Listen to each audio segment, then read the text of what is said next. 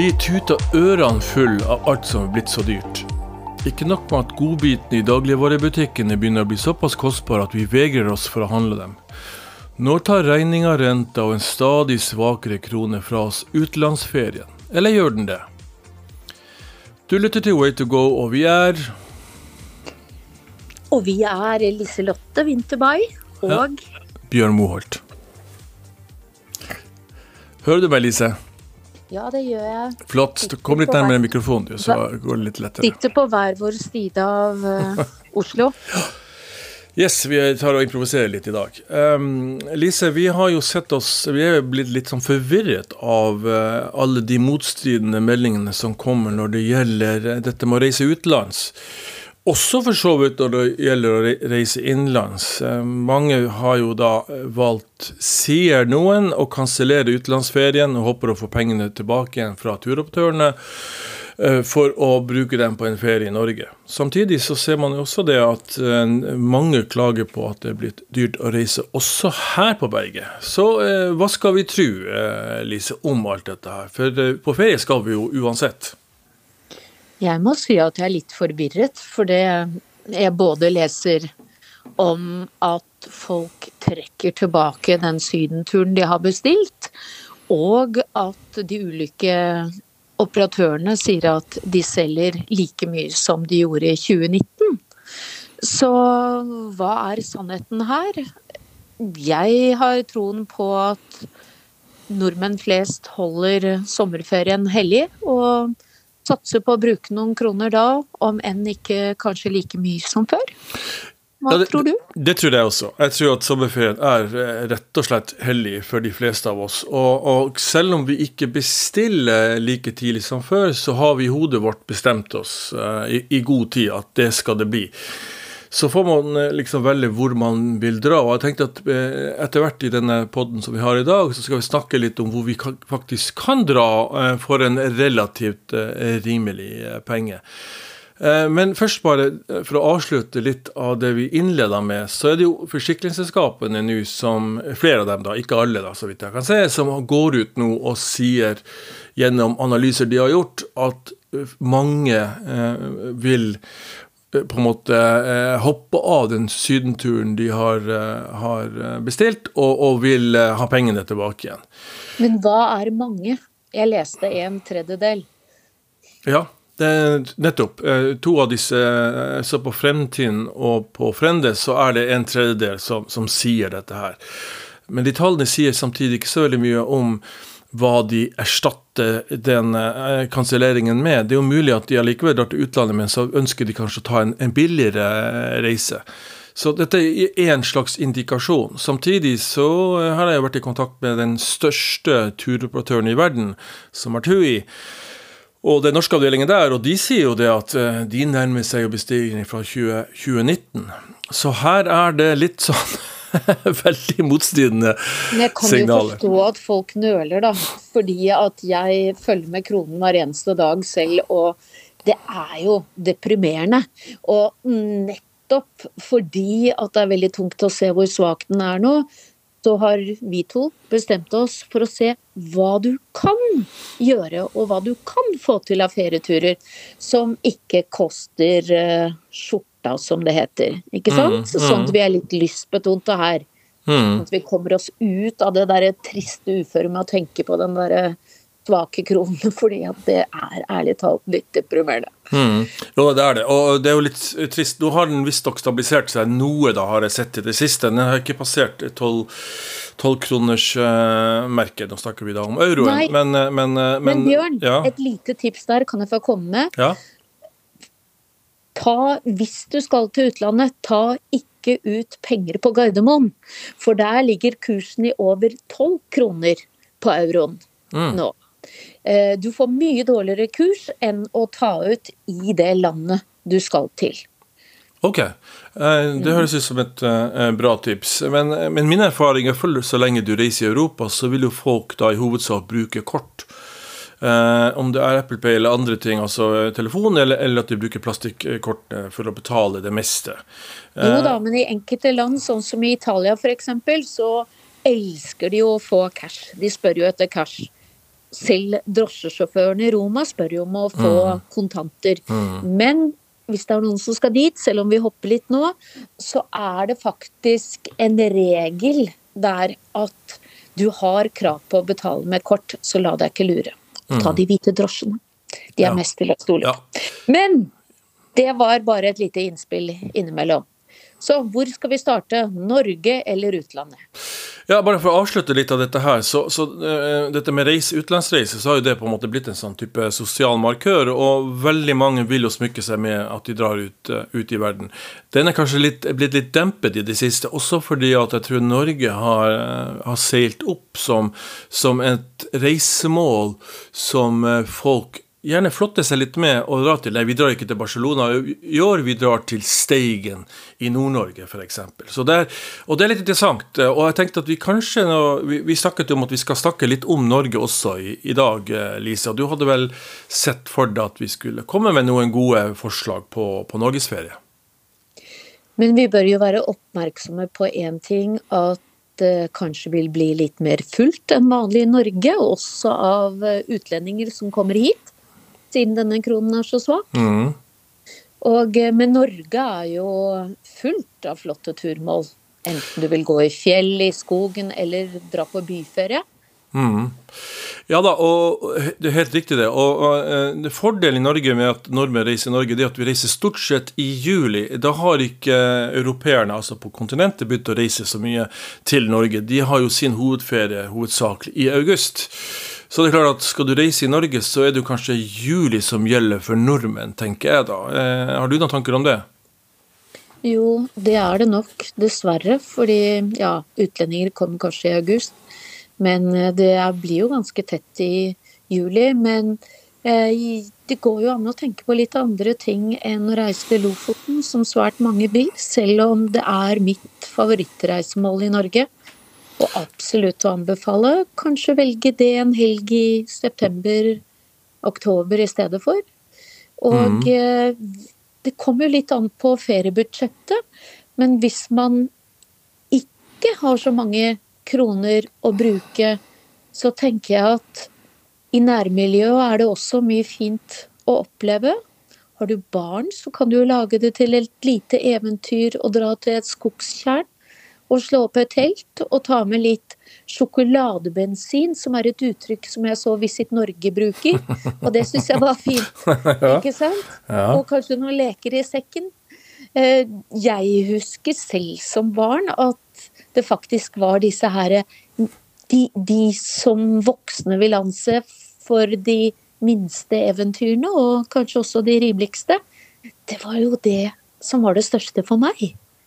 Så Ja, altså, du har et veldig interessant poeng der. Og, og, og, jeg har jo en, en, Min gamle sjef, eh, han har jo gått inn i dette campingmarkedet. Og han forteller at eh, at det har eksplodert de senere årene. At folk eh, drar på camping som aldri før, om det er med campingvogn eller bor i, i campinghytter eller i telt så er det noe som vokser. Og jeg tror, det, jeg tror at det, langt på vei kondisjonerer folk, nettopp som det du sier, til å, uh, å dra ut i norsk natur på egen hånd. Kanskje ta med seg et telt og gå inn i fjellheimen. Jeg tror at der ligger det et, et potensial som, som, stadig flere oppdager, og som ikke koster all verden. For at en utfordring nå når det gjelder å reise f.eks. nordover, er jo disse astronomiske flyprisene. Det er veldig dyrt. altså. Jeg har hørt en familie mm. som hadde vært hjemme her nå i de er faktisk fra min hjemby, Hammerfest. Og de hadde vært der i forbindelse med et, eh, et arrangement. Og det hadde kostet den lille familien på tre, over 20 000 kroner å fly tur-retur til Hammerfest. Og det vil nok bremse mange. Så jeg tenker da, Lise, at uh, å tenke litt alternativt. Om det er elbil eller om det er tog for den del, å komme seg litt rundt i Norge på, på, på en slags egen kjøl, hvor man ikke er avhengig av de, de eh, av flyene som på en måte har, eh, har bukta begge endene for hvor vi skal eh, dra ut i, ut i verden. Absolutt. Og noen ganger, som nevnt, så trenger man heller ikke å dra så langt.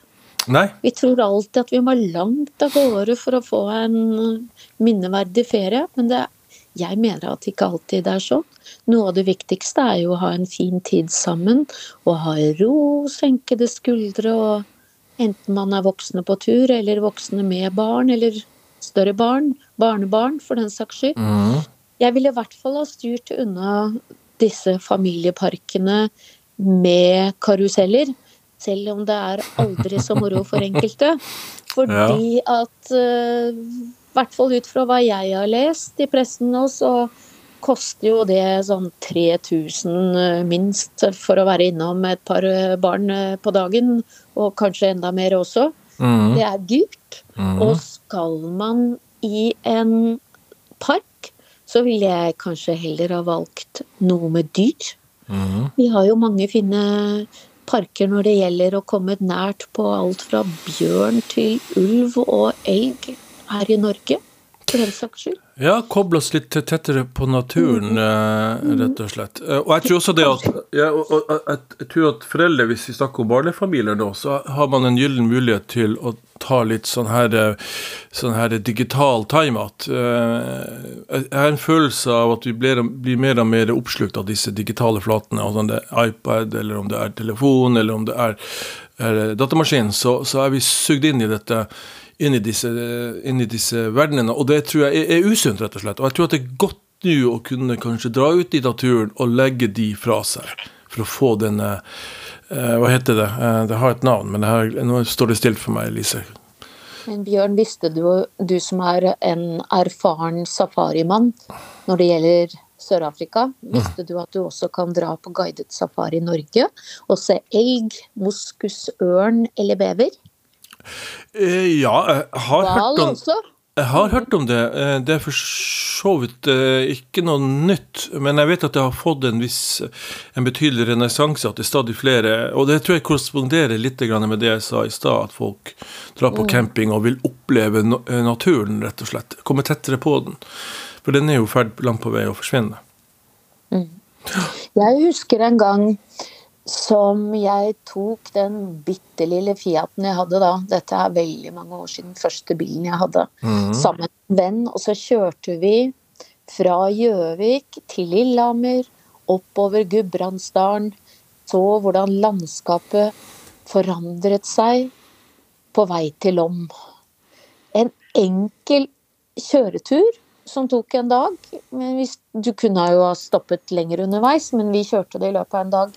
Og eh, fant en hytte å leie i Lom, og gikk innover naturen der og inn til isbreen. Mm. Og det er en ferietur. Det var bare tre dager, men jeg husker det som bare det. Fantastisk vakkert.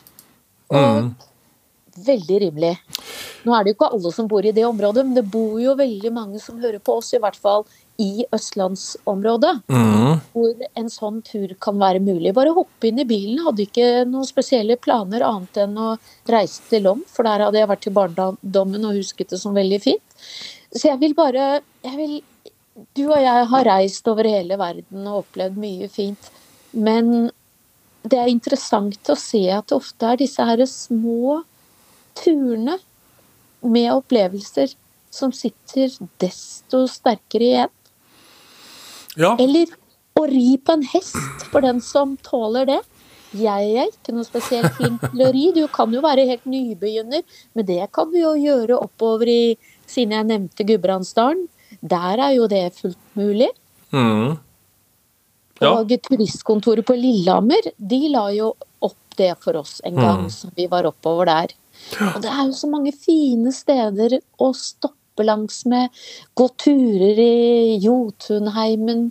eh, Stoppe på sånne små overnattingssteder eller hoteller, for den saks skyld. Det finnes jo mange sånne små butikkhoteller som er familieeide oppover der også. Så Ja. det er jo bare for å nevne noe. Ja, det er, det er øh, øh, man, man ser ikke skogen for bare trær, liksom. Det er litt, vi er litt der, øh, tenker jeg. Og jeg var jo på en reportasjereise her i fjor eh, sommer øh, på, på Hadeland. Og det er jo ganske nært, i hvert fall Oslo. Eh, Oslo-området. Og det var en litt sånn aha-opplevelse for meg. Jeg har jo ofte da reist langs Kyst-Norge. Det er jo det på en måte som er det spektakulære i Norge. Tror mange, da. Men så eh, dro jeg da til det noen omtaler litt feil, eh, det norske Toskana. Og det har jo sammenheng med at her er liksom disse rullene og åsene som har litt til felles med, med den mer berømte eh, utenlandske varianten. Men det må jeg si var en, en kjempefin opplevelse. Eh, jeg bodde jo da på, på Granavolden gjestgiveri eh, mens jeg var der oppe og reiste rundt på og besøkte gårder og historiske severdigheter, museer. Og jeg kunne gjerne ha blitt der lenger, altså. Så godt trivdes jeg der oppe. Midt i skauen på et vis og midt i Norge, og altså En time å kjøre fra Oslo, rett og slett. Det, det var en, det var en, det var en liten aha-opplevelse for meg. Og det finnes det mange av, tenker mm. jeg, over det ganske land. Det er egentlig bare å sette seg inn i Visit Norway sine hjemmesider. De er ganske flinke til å, å finne frem til disse stedene. Og de enkelte turistkontorene rundt omkring. Der du har lyst til å reise, kan du gå inn på turistkontoret, gjerne ta en telefon til dem de er veldig velvillige til å komme med tips. Det har du helt rett i. Men for meg mm. er sommer vann. Ok. I en eller annen form. Og vi må ikke glemme at Norge har faktisk verdens nest lengste kystlinje. Og uh, hvor mange er det? 239 000 vel øyer. Og flere tusen innsjøer. Mm. Så bare det byr jo på mye. Mm. Og eh, padling, f.eks., har blitt veldig populært. Og eh, enten du Og også dette med å stå på brettpadling. Mm. Og, så det er jo mange som eh, Ja, flere naboer som har kjøpt seg sånn som ikke har hytte. Men de har kjøpt seg et brett som de putter på taket, akkurat som skiene om vinteren. Og så drar de rundt omkring og koser seg. Såkalt uh, supbrett, tenker du på? Stand up pedal. Padling, ja. ja. Men mm. også en liten kajakk, f.eks. Så hvis du har råd til å investere i en sånn, så kan du jo ta med den rundt omkring og ha mange fine opplevelser på ulike vann. I og med at det finnes så mange av dem. Ja, og, og, det finnes jo mulighet for å leie det også. Eh, nå var jeg ikke helt forberedt på akkurat den vinkelen, eh, Lise, men men, men det, finnes, eh, det finnes, flere, flere utleiemuligheter for de som ikke ønsker å investere. Kanskje ønsker bare å prøve, prøve, prøve seg på, en, den type ferie. Og leie seg en, en, en, en, en kajakk, rett og slett. Eller, eller et brett. Mm. Mm. Men det, du kan eh, faktisk få det ganske rimelig også hvis du følger med på tilbud. Så i det lange løp, hvis du har et sted å oppbevare det, så kan det kanskje lønne seg for en familie istedenfor hver gang å skulle leie en.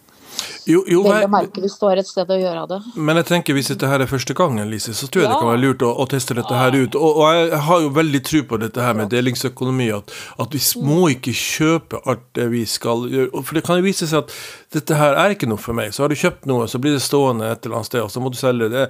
Heller da, og, og og der er det faktisk en del, en del uh, muligheter for, uh, for, det. Men vet du hva, kan mm. jeg få komme en uh, ja. siden du er innom det med delingsøkonomi. Det er også lurt når det gjelder bil. For det er ikke alle, i hvert fall de som bor i byen, som har biler. Og om du har bil, så sånn som jeg, som har en liten eh, BMW I3, mm. den eh, går jo ikke så langt. Eh, en av de første modellene. Da kan du leie deg en bil. Og i stedet for å leie hos et Avis eller noe sånt, så har Flex bilutleie, hvor hvor du kan leie en måned, bil per måned, mm. det er faktisk gunstigere enn å leie Oppdaget jeg her forleden dag. Fordi at jeg vurderer å bytte inn bilen min i det. Mm. Der kan du leie en bil for ferien som er eh, Viste seg alle mulige Prisene varierer. Eh, alt ettersom hvilken type bil du skal ha. Men jeg fant i hvert fall ut at det var rimeligere enn å leie en bil hos Avis eller tilsvarende. Ja, eh, igjen. Godt tips. Ja, vel, Kjempegodt tips, eh, Lise. Jeg er veldig for dette her, som du vet, å, å dele. Jeg tror ikke på dette her med eierskap. Eh, til syvende og sist så er det, så er det eiendeler som eier deg, og ikke omvendt. Og, og Et annet tips her, i forbindelse med å, å leie av utstyr, så har en, en gammel kollega med Alexander Gamme, som kanskje mange kjenner, kjenner, han er jo gründer og daglig leder av noe som heter Pinch. Og der eh, Enten selger de, så kan du låne utstyr eh, i første omgang for å teste ut om dette er noe for deg. For det er veldig mange førstegangsbrukere der ute. Og jeg, igjen da, så vil jeg stresse dette her med at ikke, ikke kjøp første impuls, men ta heller og teste ut. Og så bruk kanskje sommerferien i år nettopp for å finne den villmannen eller mm. villkvinnen i deg. Men jeg tenker interessene er jo ulike når det gjelder hva vi ønsker å oppleve i ferien. Og det går jo også an å oppdage en ny verden gjennom å kjøpe seg et kort til museer, f.eks. I Oslo, det er jo slett ikke alle som bor her. Ta en tur hit og eh, besøke noen av landets største museer. Mm. Det kan kanskje være noe for enkelte også. Ja, absolutt. Ja. Og da har du jo alt fra vikingmuseer på Bygdø Ja, det er vel, det er vel jeg, vet ikke om, det, jeg vet ikke om Vikingmuseet er operativt nå. Det er vel under oppgradering, så jeg tror faktisk det er stengt, dessverre. Men du har jo Fram-museet og Kon-Tiki-museet der ute. Ja. Kanskje du bør sjekke det fort? Bare sånn at Nei, det er, ikke, det er stengt, altså. Det er, oh, ja. vet jeg. Mm. Så dessverre. Men det er eh, Men det nye Nasjonalmuseet, ikke minst, der har jeg ennå ikke vært. Og det er noe jeg har veldig lyst til. Ja. Så, så det er jo mange ting å oppleve bare her rundt oss. Ja, nå, nå, er vi, nå, er vi, veldig sånn navlebeskuende. Vi tror at alle bor i Oslo, men, eh, men Nei, det var nettopp det jeg sa, at de ikke bor i Oslo. Sånn at dette ble en ferietur. Det skjønner jeg. Inntil, inntil Oslo. Jeg vokste mm. opp med bo på Gjøvik, mens noe av det største hvor jeg ønsket å reise i ferien, var jo å reise til Oslo. Mm. For det likte jeg. Mm. Og ikke minst fordi at jeg den gangen ville se på flyene. Det var jo en sånn fin rampe på gamle Fornebu hvor du kunne se flyene reise ut i verden. Og når ingen fløy med meg ut i verden, så hadde jeg i hvert fall lyst til å stå der og drømme meg inn i fremtiden. Ja, de drømmene ble, ble, vel langt på vei oppfylt etter hvert. Uh, det ble de. Ja. Det gjelder å skape de om til virkelighet, ikke sant? Ja, altså som du riktig påpeker, så handler det liksom ikke om den store reisen per se, at du skal et sted langt, langt borte. Den, den opplevelsen den skaper mm. du langt på vei selv. og og eh, for å runde av kanskje den biten, så, så kan du gjøre det med ganske enkle virkemidler. Så, så eh, det er for et godt tips. Kan jeg få si en ting til når det gjelder eh, det med å elske vann? Ja. Selv om du ikke har båt, eller sånn brett å stå på, eller Så er det jo mange fine badestrender i Norge. Veldig mange fine. Mm det er jo Og hvis været viser seg fra den snille siden, som det i hvert fall gjør innimellom, så er jo det en opplevelse i seg selv. Ja da, eh, og jeg, og jeg tror at, eh, at, man skal ta høyde for at været ikke alltid slår til uh, i Norge. Og det tror jeg veldig mange etter hvert Vi er blitt så erfarne reisende, tenker jeg også, at, at dette med sol og strand det er ikke, Jeg sier ikke at det er et tilbakelagt stadium, og, og det er veldig behagelig når det skjer. Men jeg tror samtidig vi er blitt litt mer rastløse av oss. At vi ønsker å oppleve ting eh, Ha en sterkere opplevelse av et reisemål. Og da er det opplevelsen som jeg tenker vil være driver. Men jeg hadde et spørsmål til deg der, skjønner du. Om du ja. hadde en favorittstrand. For det har jeg. Ja, siden du, for det, det har jeg faktisk ikke. Jeg er ikke noen sånn strandløve, jeg, da. Det vet du. Ja, men det trenger ikke å være den jeg hadde tenkt til å foreslå. Var eh, disse sandstrendene på Jæren. Og da tenker jeg ikke på ligge ned i ligge nede og sole meg, for det er ofte mye vind der, men at du kan gå rundt og nyte landskapet. Mm. Her kan du jo gå i time etter time langs de flotte, kritthvite strendene der. Mm. Og vi var jo så vidt inne på eh, For strender er jo noe mer enn å ligge og sole seg. Syns jeg. Det er viktig å huske på. Men, men vi må også Jeg ville, før jeg gir deg ordet tilbake så er det jo også veldig mange fine strender på Vestlandet. Og ikke minst Lofoten, som vi var innom også, ikke sant? Ja, det strender hele veien opp til Kirkenes. Eh, ja, altså, Noen av de flotteste strendene som jeg har vært på, er på Sørøya i, i Finnmark. Og selv i Hammerfest så har vi jo en liten strand som heter Forskjellstranda. Så det er strender overalt. Men det er jo klart at det, det kan være ganske kaldt å, å, bade der. Men det er riktig som du sier. Nå er jeg nødvendigvis ikke stranda der for at man skal bade, men nettopp for å få denne opplevelsen av Den sydhavsopplevelsen, tenker jeg. Det, ja, det kan være så mangt. De strendene jeg nevnte nå, de er mer Sydhav mm. når du sitter i varmen i bilen. Sånn som i Lofoten, når du kommer ut, så skjønner du fort at du ikke er i Syden. Men for å ta litt sånn midt i landet, og Trøndelag, som vi ikke har nevnt ennå. Eh, Anne B. Ragde har hytte på Stokkøya, og hun snakket veldig varmt om den. Og eh, den er kjent for å ha en av verdens beste strandbarer, faktisk. Og det er jo også litt koselig. ja. Og du var jo på en pressetur i det områdene der for Norsk Ukeblad og oppdaget at de også hadde veldig mye god mat. For det hører jo også sommeren med. Man kan ikke smøre nistepakke hele tiden, man må jo også spise litt av den lokale maten, ikke sant? Det er en veldig viktig del. Godt at du tok det opp, eh, Lise. For det synes jeg, og der har det skjedd en revolusjon i Norge når det gjelder utvikling av gode, gode mat, god mat. På Nordvestlandet så, jo, så, har de jo fått denne kraftkaren, denne, denne blåskimmelosten som har blitt verdensberømt og verdens, kåra som verdens beste. Og dette gir en sånn der, hva skal jeg si, ripple-effekt rundt omkring i Norges land, at stadig flere satser på det å lage, lage oster. Unnskyld som litt, har en, en, lokal karakter.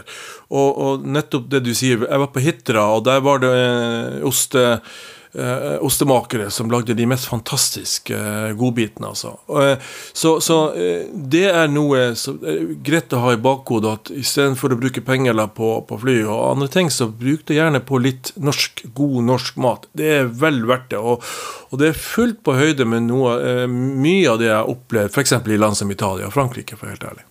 Mm. Mm. Jeg klarer ikke helt å slippe dette med strender, jeg. Fordi at okay. For jeg forbinder jo Nå nevnte jeg jo alle de strendene hvor det er mer Det er naturen som jeg la vekt på, å gå tur og oppleve noe annet enn å ligge og skade huden i solen. Men uh, vi har jo også Sørlandet, og det er veldig lenge siden jeg har vært på Sørlandet. Og du og jeg snakket jo om å reise nedover der og lage noen reportasjer for Norsk, Norsk Ukeblad mm -hmm. i sommer. Og det er jo vel verdt å få med seg, sånn som Risør, eh, Trebåtfestivalen, det er vel i august, er det ikke? Mm -hmm. Alle disse her små, hvite landsbyene, som vi kaller dem, langs sørlandskysten. Det er jo en opplevelse bare å farte, farte gjennom vandre i de brostensbelagte gatene i gamlebyene i flere av disse landsbyene. Kjøpe seg en is. Mm. Jeg syns det ligger en glede bare der. Snuse på historien til byene, for at ikke minst det å lese seg litt opp på de enkelte stedene man skal besøke, det gir jo så mye mer næring og glede over å være der. Ja da, du tenker reise lenger fra Oslo. Nå er vi igjen da og litt Oslo-fokusert. Dra til Drøbak, så får du litt av den der eh, sørlandsfølelsen. Eh, og det finnes flere den type steder rundt omkring i det ganske land, og spesielt da, som du sier, på Sørlandet, hvor de dyrker denne norske eh, sørlandssommeren til det fulle. Og den er ganske fin. Og for ikke å glemme noen, vi har jo virkelig hatt de opplevelsene også på Hvaler det er jo et eldorado, et paradis når det gjelder sommeren. Ja da. Og Fredrikstad innom der, og også lengre ned, sånn som Sarpsborg og Halden, fikk vi en veldig fin opplevelse Men nå blir det veldig mye her. Men sånn avslutningsvis fra meg når det gjelder strender, før vi kan ta opp noe annet, er også viktig å huske på at eh, nå i mange byer er laget flere urbane bystrender og badeanlegg. Alt fra Kristiansand til Oslo nok en gang. Mm. Ja da. Eh, Oslo er blitt nesten sånn sydendestinasjon. Du har fått en del midt i, midt i, sentrum så er det jo en del sånne eh, eh strender, menneskeskapte strender som er veldig hyggelige. Utfordringen der er jo selvfølgelig at det er veldig mye folk der, altså. Så, så eh, mm, Bystranda i Kristiansand var jo først ut i Norge. Ja, riktig. Og de ble jo også miljøsertifisert med blått mm. flagg. Mm. Mm. Og nå er det 18 sånne sertifiserte strender i Norge. Ok, ok, ja. Nei så Norge, Hvis vi skal, skal avslutte Norge litt, eh, så, så, så er Ja. vi enige om det, Lise, at her det er ingen grunn til å reise ut av landet. Eh, Men samtidig, da, eh, så må jeg jo si at En ja, liten ting okay. før vi avslutter Norge. Det er jo veldig viktig hvis vi reiser litt lenger nordover, selv om det er vel så bra også her sørpå når det gjelder lyset. Så men der oppe så har du jo, kan du jo feire sommeren døgnet rundt Mhm. med midnattssola. Og for meg som ikke kommer nordfra, sånn som deg, så er jo det i seg selv også en stor opplevelse. Og jeg glemmer aldri at vi satt der midt på natten med strandpiknik. Med sola som danser, Ja. danser på horisonten. Ja da, det er, det er sånn uforglemmelig, Norge! uforglemmelig øyeblikk. Så får vi håpe at det slår til innimellom, for eh, som vi alle vet, så er, eh, så er naturen lunefull eh, der oppe. Og, og vi hadde jo en spøk i Hammerfest at uh, i år så var dessverre på kino den dagen sommeren kom. Så, så, det, er, så det er litt sånn uh, man skal, uh, man skal, man skal på en måte ikke reise dit for å, å tro at det blir sånn som reklamen sier. Du får alle årstider på, kan få alle årstider på en dag. Men det vil jeg påstå er den store attraksjonen. Hvis du har det i bakhodet når du drar, så er det et utrolig, et utrolig mange fine reisemål. Du, eh, Da hopper vi til utlandet, Ja, så tar vi for oss de ti ferielandene. Ikke alle ti, da, men litt om de billigste ferielandene. ja, billigst eller rimelig. Jeg liker ordet rimelig bedre enn billig, Ja. for at det billig høres litt sånn billig ut. Eh, og jeg tenker at, at ja.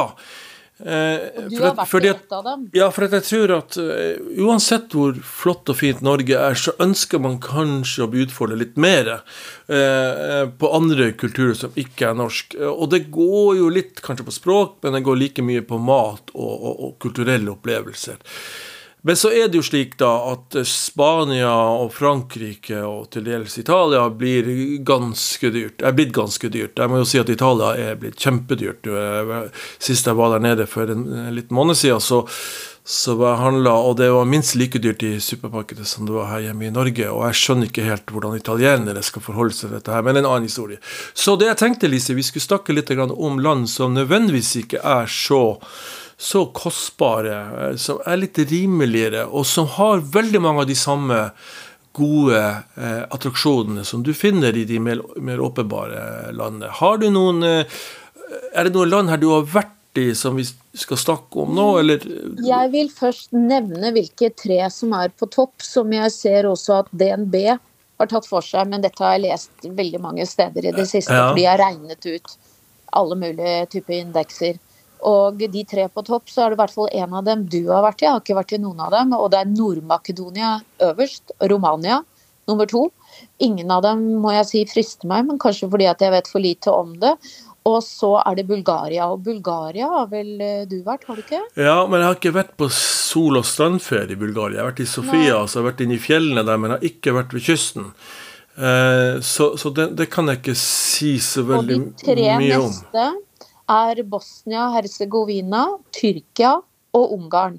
Mm. Og Tyrkia og Ungarn, vi har jo vært innom Bosnia bare sånn kjørt gjennom, men Tyrkia og Ungarn kjenner vi jo til en del. Mm. Og eh, jeg bare nevner de tre neste, fordi at det er Serbia, Albania og Polen, og så følger Montenegro på ti. Men eh, det jeg har bitt meg mest merke, er Albania, fordi at når du var der med Apollo, tror jeg, så kom du tilbake og sa at åh, aldri har jeg smakt bedre mat, omtrent, da. For det er veldig mye god mat fra disse turene dine. Eh, og eh, dette var jo før covid. Men du skrøt veldig av Albania på eh, grunn av så mangt. Så kan du si litt om det reisemålet, kanskje? Ja, det er riktig som du sier at de har uh, veldig god mat. I Balkan i det hele tatt, som Albania er en del av, er jo kjent for å være sånn breadbasket, Uh, men det gjelder spesielt grønnsaker. eh, at de er veldig rikt ut, utbud av, av gode grønnsaker. og Det merker du spesielt godt i Albania. Det er fantastiske grønnsaker der på markedene og i restaurantene til en veldig rimelig penge. Fall var det slik da jeg var der for en stund siden. Um, så det er en del av attraksjonen. Eh, og, og, så, har du jo da disse strandreisemålene som minner litt om sånn som Spania kanskje var på 70-tallet. At de henger litt igjen der, men strendene står ikke tilbake for, for, det du finner andre steder rundt omkring eh, ved Middelhavet. Eh, Albania har jo vært, vært nært tilknytta Italia. Eh, Albania blir faktisk innvandra eh, eh, Blir okkupert av, av, italienere. Så de har en, og veldig mange albanere reiser til Italia. Så de, du merker en viss påvirkning der. Men den merker du mest utover kysten, hvor det er en del sånne pizzasteder. Litt sånn på, på, på den kulinariske fronten. Men når du kommer litt inn i landet, så endrer jo veldig mye av dette her seg. Da kommer du tettere på den albanske kulturen, som jeg syns jo da er, er, spennende i seg selv. Uten at jeg skal gå så veldig i dybden på det. Men, men det, det, har en, en god del eh, eh, kulturelle attraksjoner som er langt på vei underkommuniserte, føler jeg, i, i, det, i, i det, store bildet. Så, så absolutt, eh, Albania er et eh, land som, som, er verdt å ha med seg i denne ligningen. Og det er rimelig fremdeles. Ja, og jeg må jo si dette hvis jeg skal reise utenlands, så dette med steder som er litt rimeligere, det, det, det, virker veldig tiltrekkende på meg. Og jeg leste også ja, ja, ja. Jeg var inne og leste om alle disse strendene, for jeg er veldig glad i strender, da. I mm. Albania. Og eh, det er jo bare en liten tur år fra Italia, sånn med båt eh, mm. også. Eh, men eh, Og det ser jo ut som standarden er noe lavere enn f.eks. i Italia. Men eh, de har jo også andre steder eh, med Jeg fant et sånn Kessamil like ved Saranda. Det er helt sør mot Sarande, ja. Ja. Mm. ja. Helt sør mot grensen til Hellas. Det er eh, Der har de laget et strandsted med større wow-effekt som har solbrygger på platåer og sand like fin, kjempefinkornet, kritthvit uh, sand. Så det virket uh, Det så jo ut som Maldivene, når du ser på mm. bildene og det vakre fargen på havet, ikke minst. For den som vil ha litt ekstra i et rimelig land. Ja, altså i, i, mange år så var jo da vi tilbake til Apollo, de hadde jo sine flyvninger til, til um Albania gikk jo faktisk via Korfu, flyplassen i Korfu. Så tok de ferga over, eller båten over til Albania. Det, du ser jo, det er veldig nært knytta over til mm. Sarande, mm. som du riktig påpeker, og strendene mm. der. Men så har de beveget seg litt lenger nordover, eh, også for å komme litt i kontakt med eh, med, med Tirana, som er en kjempespennende by. Og da er det jo Durres som er hva skal jeg si, strandbyen eh, med nær, nær tilknytning til Tirana. Og det gjør jo, syns jeg, å dra til Durres og kombinere det med besøk i Tirana er, er kjempespennende. Må jeg si, Tirana var en, en, en, en, meget interessant eh, by.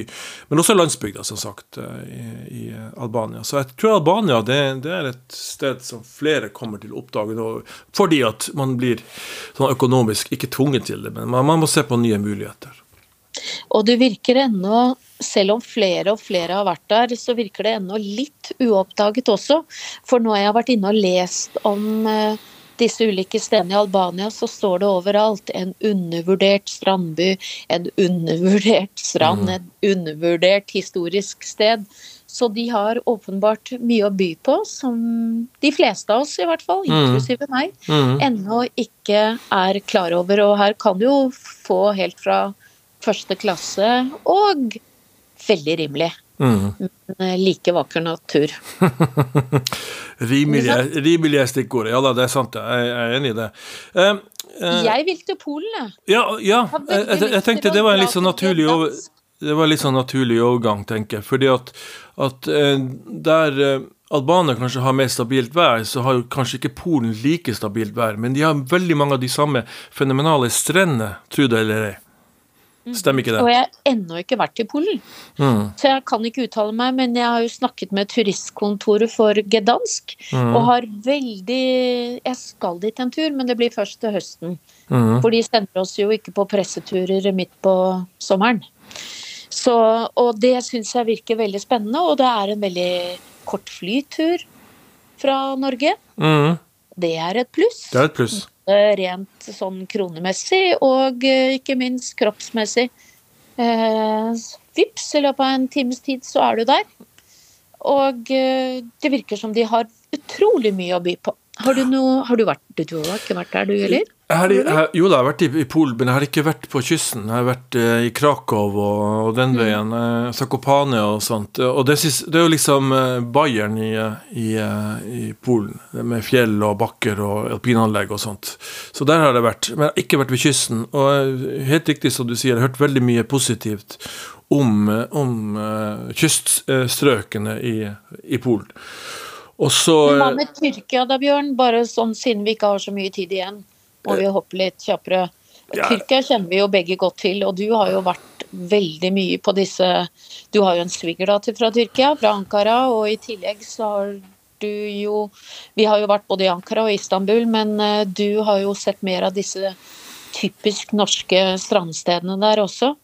Er det Det bare overrasker meg at det står på rimelig-listen. Høyere opp enn både Polen og Albania, faktisk.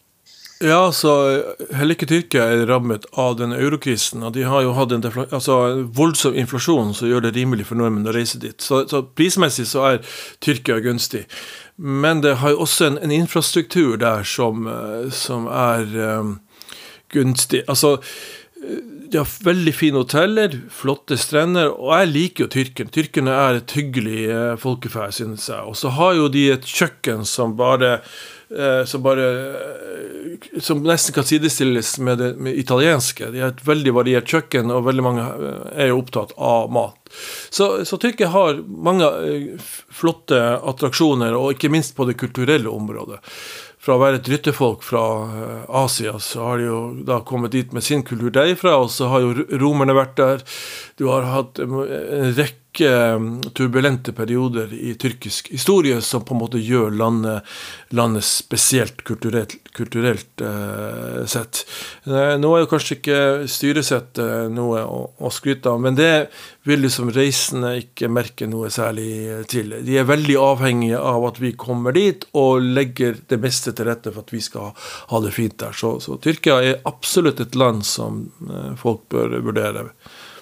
Og hvis været skulle bli dårlig i Norge, så kan vi jo prøve å finne en restplassbillett f.eks.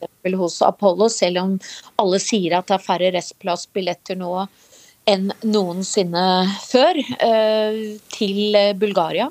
For de, er jo, de lover jo at de har en solkyst. Tror du det Mhm. stemmer? Ja da. Eh, eh, Bulgaria Som sagt så kjenner jeg ikke så veldig til Bulgaria. Men, eh, men eh, jeg tror at det er et, eh, et sted som, eh, som absolutt bør være på, på radaren til folk flest. Det har jo på en måte vært mest kjent for at det kanskje ikke har den kvaliteten på hotellene og slikt som man forventer kanskje i vår tid med bereiste nordmenn. Men, men utover det, Men så, så er det, Det kan mm. også bety at man sparer noen kroner. Og kanskje er det noen som også vil sette pris på det. Og de er jo kjent for å ha svaret på den spanske solkysten med sin, sine to strender Sunny Beach eh, og Golden Sands. ja. Har jeg lest meg til. Ja. Men jeg har vært overraskende lite østover. ja.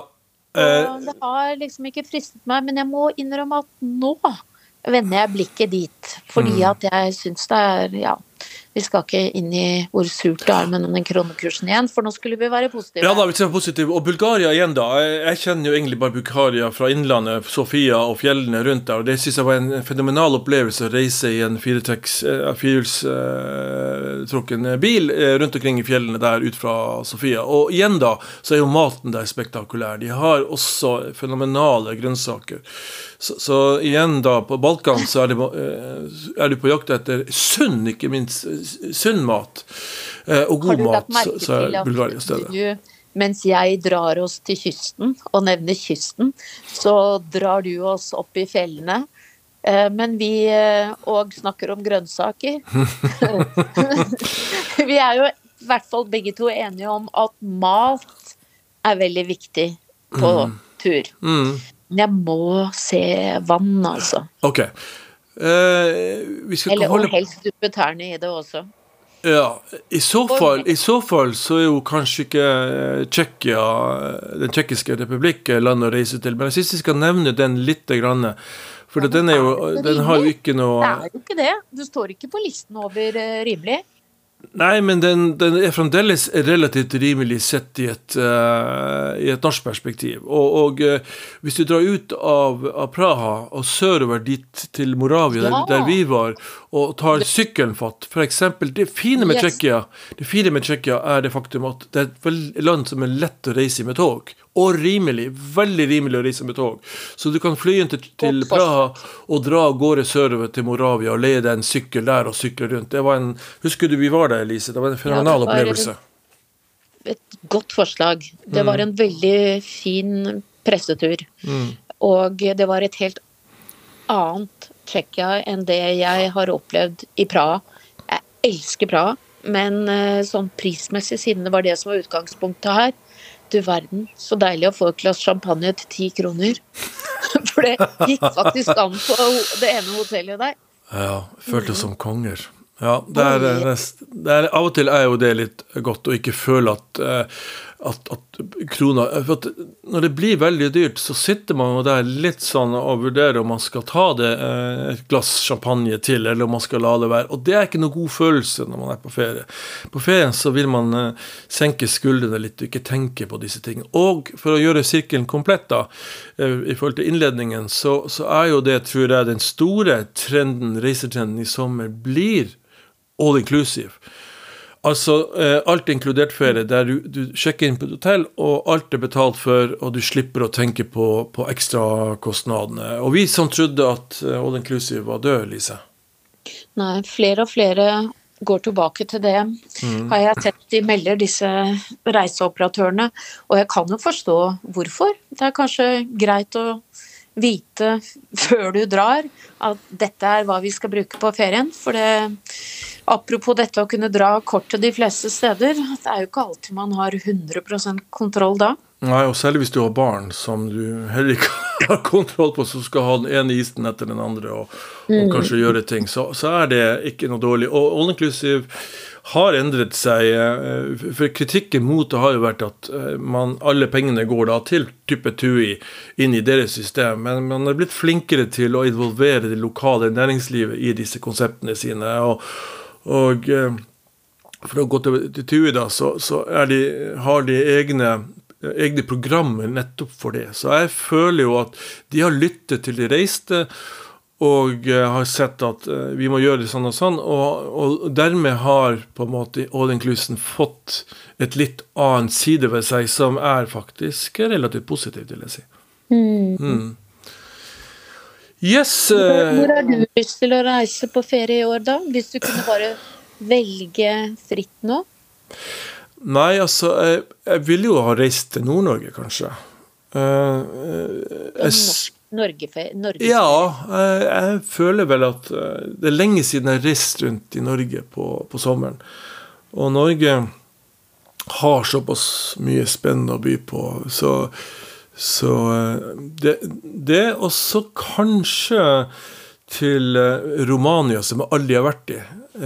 som er et land som som har en del til felles med Italia. Jeg vet ikke om du visste det, men de snakker jo et romansk språk som er avledet, som kommer fra latin. Så de har en del forbindelse den veien. Så det er et sånn sammensatt kulturelt land som jeg er nysgjerrig på, rett og slett. Og eh, Så det er et land som jeg er nødt til på et ganske snart å besøke. Vi har ikke nevnt Danmark, som jeg også syns er verdt å ta med her.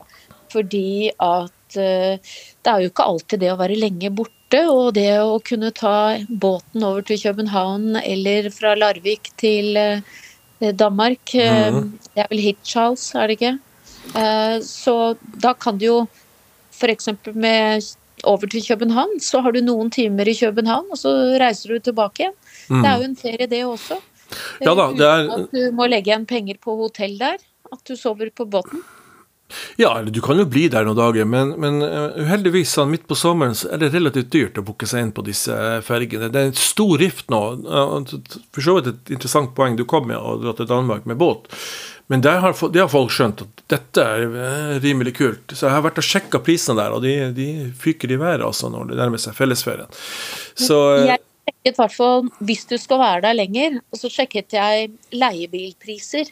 Mm. Og de er jeg fant ut i forhold til Roma og Milano, så koster det under halvparten å leie en bil i Danmark. Ok. Elbil, da? Eh, ja, eh, nei, dette var vanlig bil. Mm. Eh, det er helt ekstremt dyrt i Italia. Ok. Og Frankrike.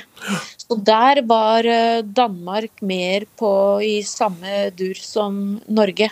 Mm. Så eh, Og det er kanskje fordi at Og leiebil er jo noe som mange eh, tenker på eh, En ferieform for mange.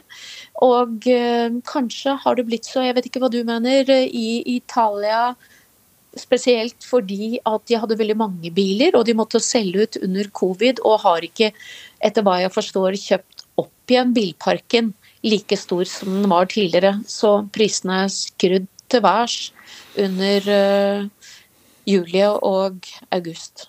Ja, det er, eh, det er nok riktig det, eh, delvis, at, at vi er ikke på, på høyden ennå i forhold til utbudet av, av antallet biler. Jeg ser, eh, jeg ser at det kan være dyrt, og spesielt i fellesferien hvor det er veldig mange som kommer inn, så, blir, så går prisen i været. Nå var jo jeg i Italia for en måneds tid siden, og da var det relativt rimelig å, å leie seg bil.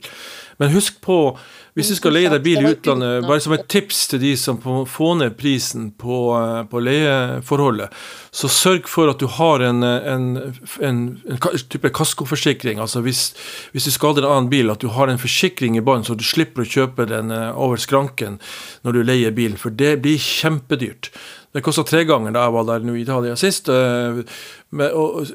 Så, så vær obs på det. Du kan spare en del penger på å ikke ta den der, den, den der forsikringen som, som faktisk skyter prisen i Den forsikringen har også veldig mange av oss uten å være helt klar over det. Så det er best å sjekke det. Eller ja. du, da. Som kjørte uten den forsikringen i flere år. Heldigvis ja, uten uhell, fordi at du trodde at du hadde den. Stemmer det. Men eh, før vi slipper, bare sånn superraskt, for at jeg så på dette med eh, Forex-indeksen når det gjelder å slippe billig unna i Europa, mm. selv om kronen er svak mot euroen. Og eh, det er verdt å bare nevne disse landene bare superkjapt uten å gå inn på. Så er det Montenegro, Kypros, Kroatia og Malta og Portugal som har en veldig gunstig indeks der. Og mm -hmm. Hellas er også nevnt. Sånn at, de, sånn at det ikke bare er å reise til de landene vi allerede har sagt, ikke sant. Og hvis du vil reise veldig langt, så er jo Sri Lanka et veldig rimelig land å være i. Men det koster jo litt å komme seg dit, da. Ja, det, det, blir en helt annen type ferie. Den kan vi kanskje ta opp i en ny podkast hvor du kan reise langt av gårde. Ja, for at uh, På sommeren så er den type reisemål ofte relativt rimelig. Eller, historisk sett så har de vært det. Jeg vet ikke hvordan det er i dag. Det får vi sjekke da, i så fall til den poden uh, vi tar. Men uansett uh, så tenker jeg at, um, at bare sånn avslutte det her med å reise. I Italia er blitt dyrt, og dessverre så er det slik at Italia har ikke spesielt godt utbygd uh, offentlige kommunikasjoner, busser og tog og sånt. Det er litt sånn sketchy. Mens i Tyskland, Frankrike og kontinentaleuropa ellers, der vil jeg foreslå å reise med tog, rett og slett, for å komme deg litt rundt. Det gir deg en helt annen frihet, faktisk. Og, Italia er jo helt fantastisk når det gjelder å reise med tog. Ja, Det kommer litt an på hvor du er i Italia, rett og slett. Men... Det gjorde jeg i fjor sommer. Du kan reise fra Roma, kan du reise til eh, Milano, eh, og du kan reise sørover, som jeg gjorde i fjor, til Napoli, for så å ta båten fra Napoli til Sorrento og videre til Amalfi-kysten. Eh, og det var både gunstig og helt fantastiske tog. Okay. Rent, pent. Stand, I, ja, I stand corrected. Um, det jeg tenkte på, var jo Hvis vi skal komme til disse små byene, så er det ikke kommunikasjonen sånn som med busser og sånn spesielt god. Men ja, du har rett.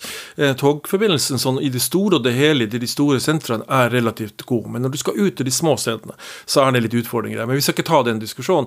Uansett så tror jeg at, at uh, for å unngå det med leiebil, så ta tog istedenfor.